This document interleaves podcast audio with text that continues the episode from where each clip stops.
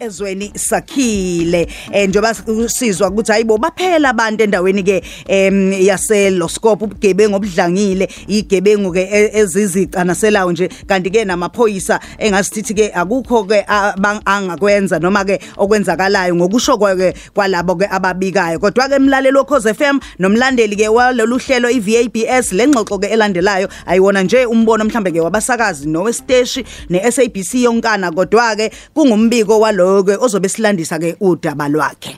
Sikela kolo daba Mroza ngaphandle kokuchitha isikhathi. Umthetho sisekelo waseningizimu Afrika uAct 108 wonyaka ka1996 unesinye isihlokwa isihlokwa isahluko sibizwa ke ko Bills of Rights mubheka ku 11 no 12 wakhona.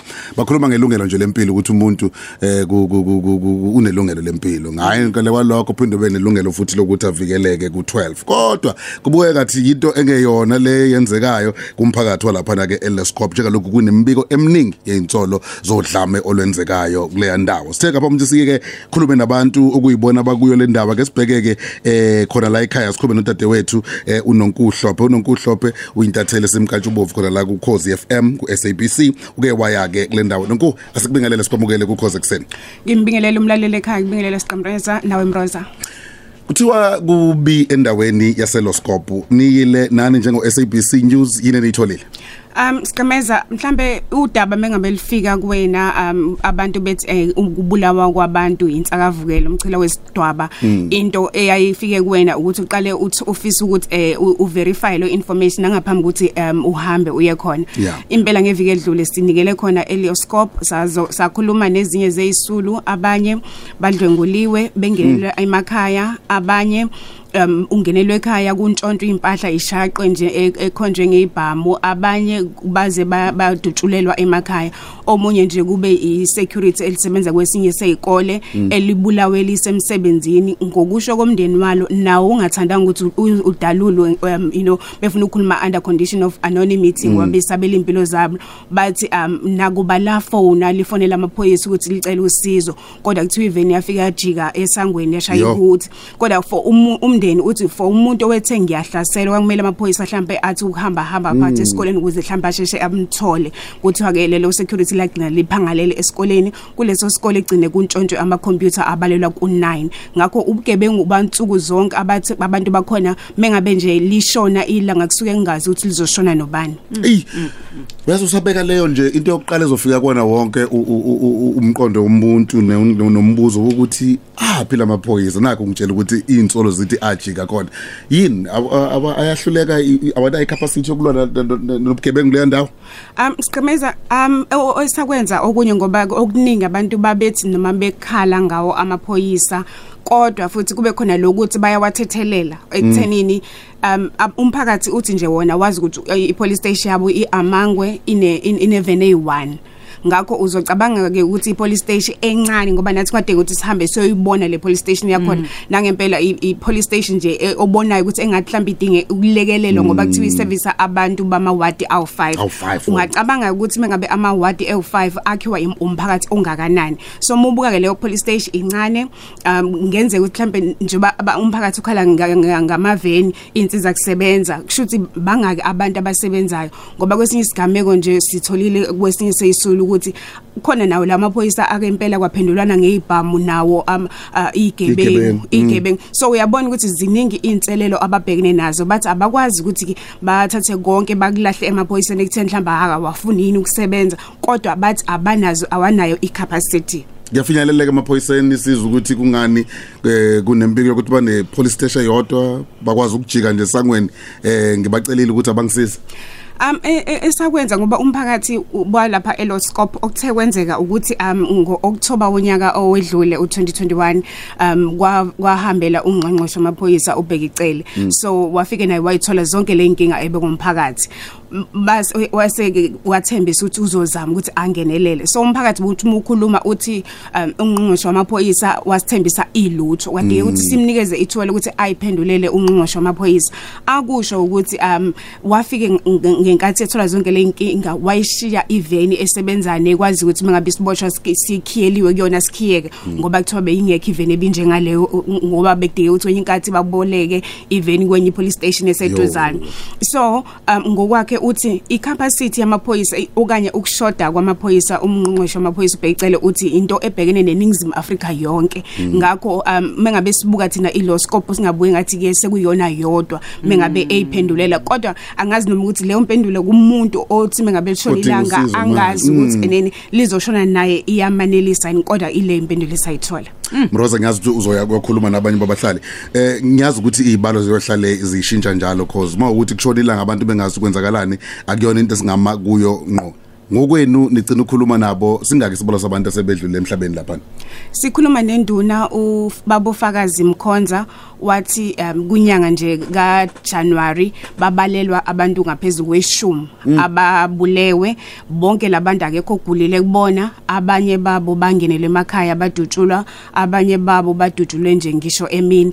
Sicameza mhlawumbe umuntu akakuveza ukuthi mangabe usebenza udaba olunje um umuntu wangaphandle. Right, mm. kuye ukuthi mhlawumbe kushaya ikhathi zo2 ngoba umuntu wahlala isikhathi eside lapho uyibone na ukuthi "Mm, mm, engathi kwayimina angisaphephile ngoba nale moto engihamba ngayo ngenzeka ukuthi ke abanikazi abayigebengu la bayabothi le yasendaweni. yasendaweni. uyibone nawe ukuthi mangabe ngilo ngikhuluma nabantu abakhala kangaka bendawo wena ke uwumuntu ofikayo uphephe kangakanani. Okwesibili angeke ukwazi ukuthi ngizothi ngiyokho ngiyokhosela kwi police station noma ngicela ibackup kwi police station njengoba kuthiwa nayo ayinayo i-capacity. Kodwa gcineni kosuku kumele ukuthi ke umphakathi osenkingeni siwusize kodwa angeke ngize ngisho ukuthi eh, isimo saselo scope um mhlambe sinconywa ngconywana. Isimo salaphana siyahlasimlisa igazi ngoba ukhuluma nabantu bakuthela ngenyembezi abantu balapha bathi babone ngathi bona um ikuphalala kwegazi labo ngoba umunye nje sakhuluma naye wathi ubone ngathi mhlambe kungcono kungenele i- amasotsha akafike nga- kung- kungazelele umuntu angene emzini yonke mhlambe bangathi bakholelwa ukuthi ngatholakala ibhamu ezingekho emthethweni eziningi okuyizona abasola ukuthi izona eqotha abantu. Hayi lokho siyabonga kakhulu tete bethu ukuthi eh, usinike nje isithombe sokuthi yini enzakalayo lapha. Ngiyabonga.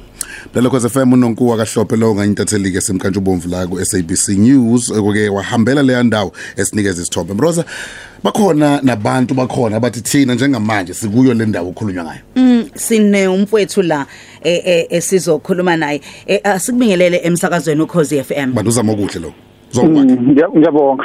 Yebo. Eh khabazela. Yebo. Eh, Yebo. u- u- udaba eh ukade libeka manje unon- unonku eh, eh, u- u- omunye o- o- oyilunga lethu eh ukusebenza mhlawumbe siyafisa nje ukuthi mhlawumbe ukuthi usibeka nawe nje esithombeni ukuthi ngabe kwenzakalani lokho akushoyo ngempela eh, ku- uyaqinisekisa yini ngabe mhlawumbe wena uthinteke kangakanani? Mm, ngiyabonga kakhulu. Igama kumxolisi ngokamkhize. Ngihlala khona la Fellowscope nami ngumhlali nje wakhona. Eh lo wakushoyo kuyiqiniso ngempela u- usisi unonkululeko.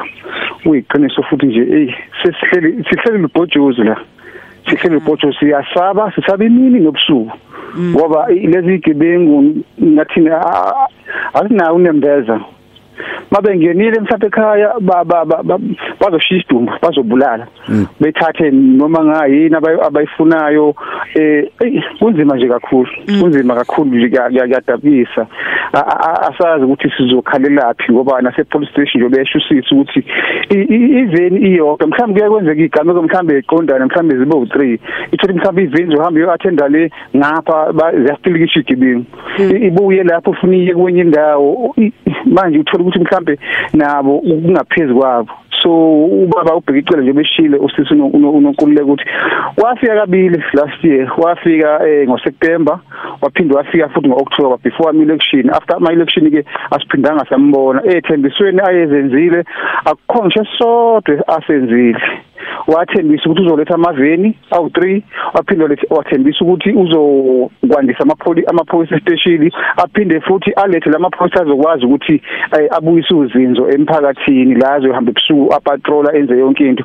Konke lokho akwenzakalele akwenzakalile. Emveni nje ukuthi yena ahambe lasala abantu baqothwa kakhulu babulawa nje kakhulu nje babulawa mihla namalanga le. Ma- kha- Hlu kanjalo. khabazela, Mm, eh, eh, khabazela mhlambe ngo- ngo- ngokuzwa kwenu nani abantu yini? Abantu bendawo laba noma abantu bokufika? U- uyabona nje sisi ah, nathi asazi. Okay. ah ngeke sisho ukuthi obani lapha into esibhekene nayo into esingayazi ukuthi iqhamba ndawanaphi ngiyakuzwa. Ah sazi ngoba futhi akukho into esigodi akukho lutho Aha. kodwa nje siyaqothwa nje siyaqothwa nje imihla namalanga. Kulungile eh mhlambe usabambe nje kanjalo eh khabazela.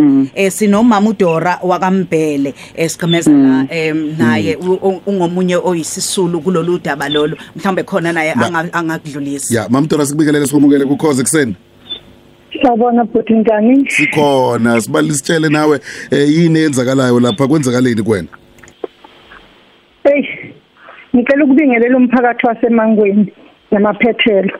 Umphakathi waselo ngicela nizwe kahle ukuthi ngithini. Ngithi kwaku 8 ebusuku. Ngithule ngubu 8 usafana nokuthi plemini. Mm. iquantum limile eduze kwendlu iyarisi phambili kwequantum ngiyaziculela ingoma yesonto ngiyazibuyela newashing ngifika u- umuntu umfana omncane usengilindile eminyango Mm. ogqoke kahle kodwa kwangithusa ukuthi ungenephi. Uqhamuke ngasekitchen isango lingaphambili. La ngingakhona azange ngibone lutho kanti basemva kwezindlu. Wavele waqonda umfana kimi wathi sawubona ma ngangabanga msindo. Ngathi yebo. Wathi njani? Ngathi ngiyaphila. Wathi ngicela usizo lwakho ma. Ngathi njengani mntanami?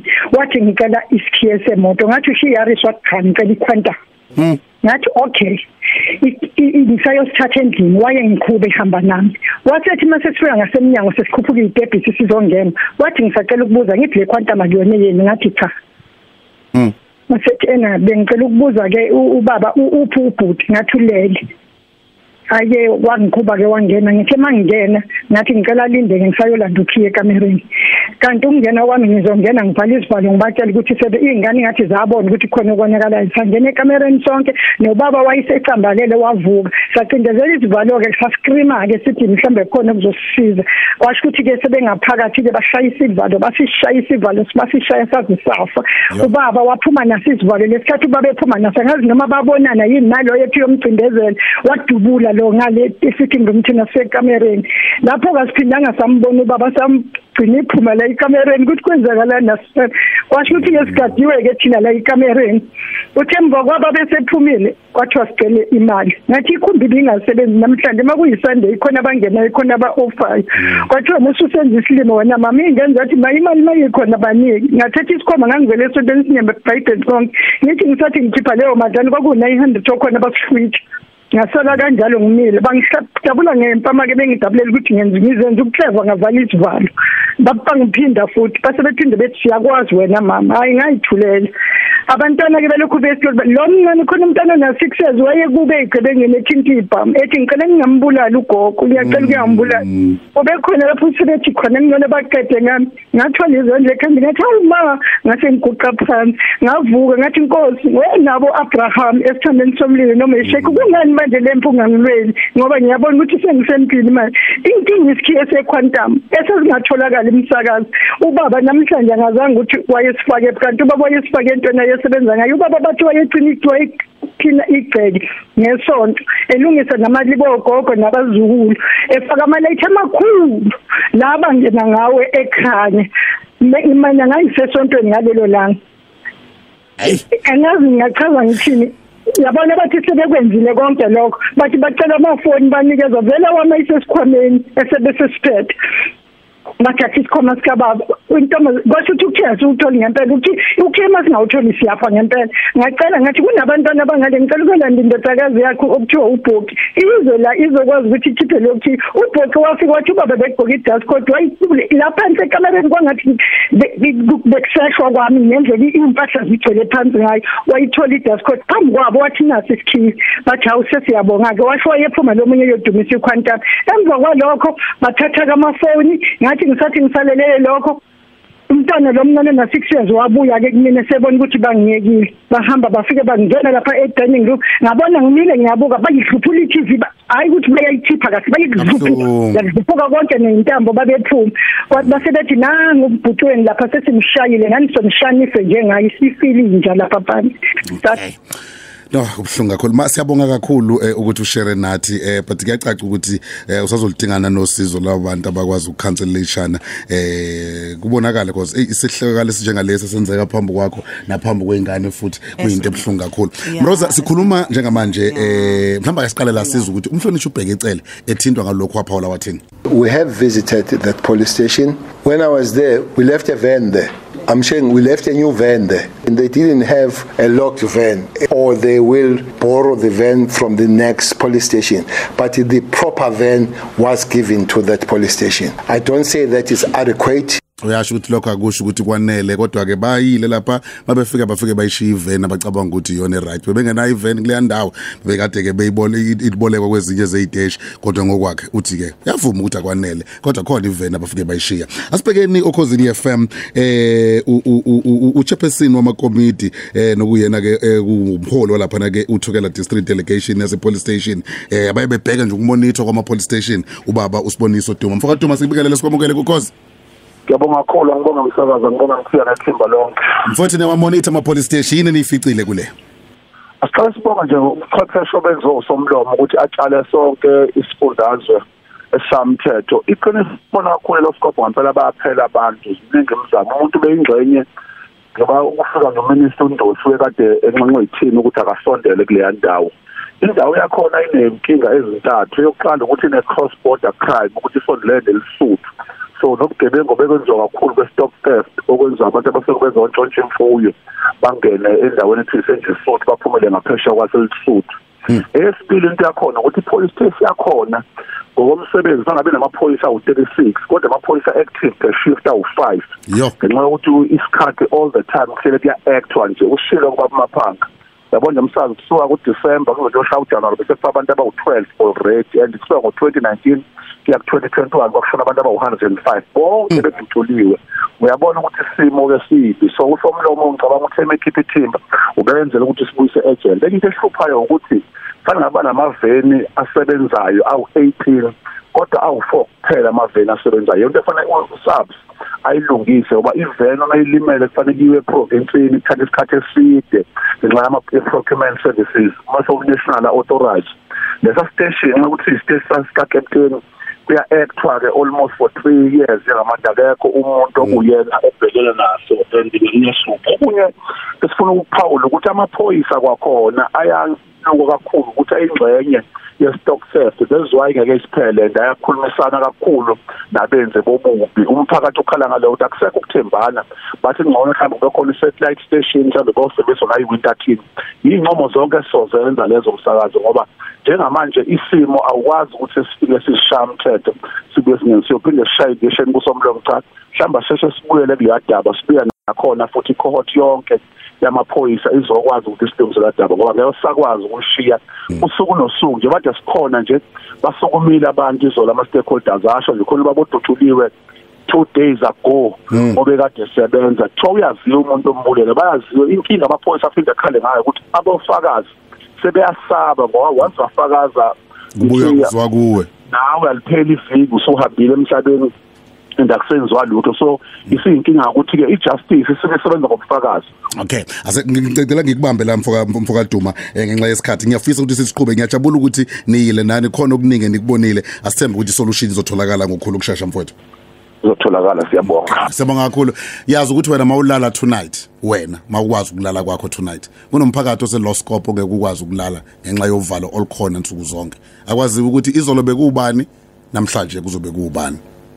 Ningizema Afrika kutholakale kutheli yini esiyenzayo uma sinesimo esinjengalesi? Do we really need ukuthi sifollow wonke lawo ma-process okusayina kusayiniwe kuze kube khona iveyini ekhona aqashekile abantu kodwa kunemphefumulo ephumayo.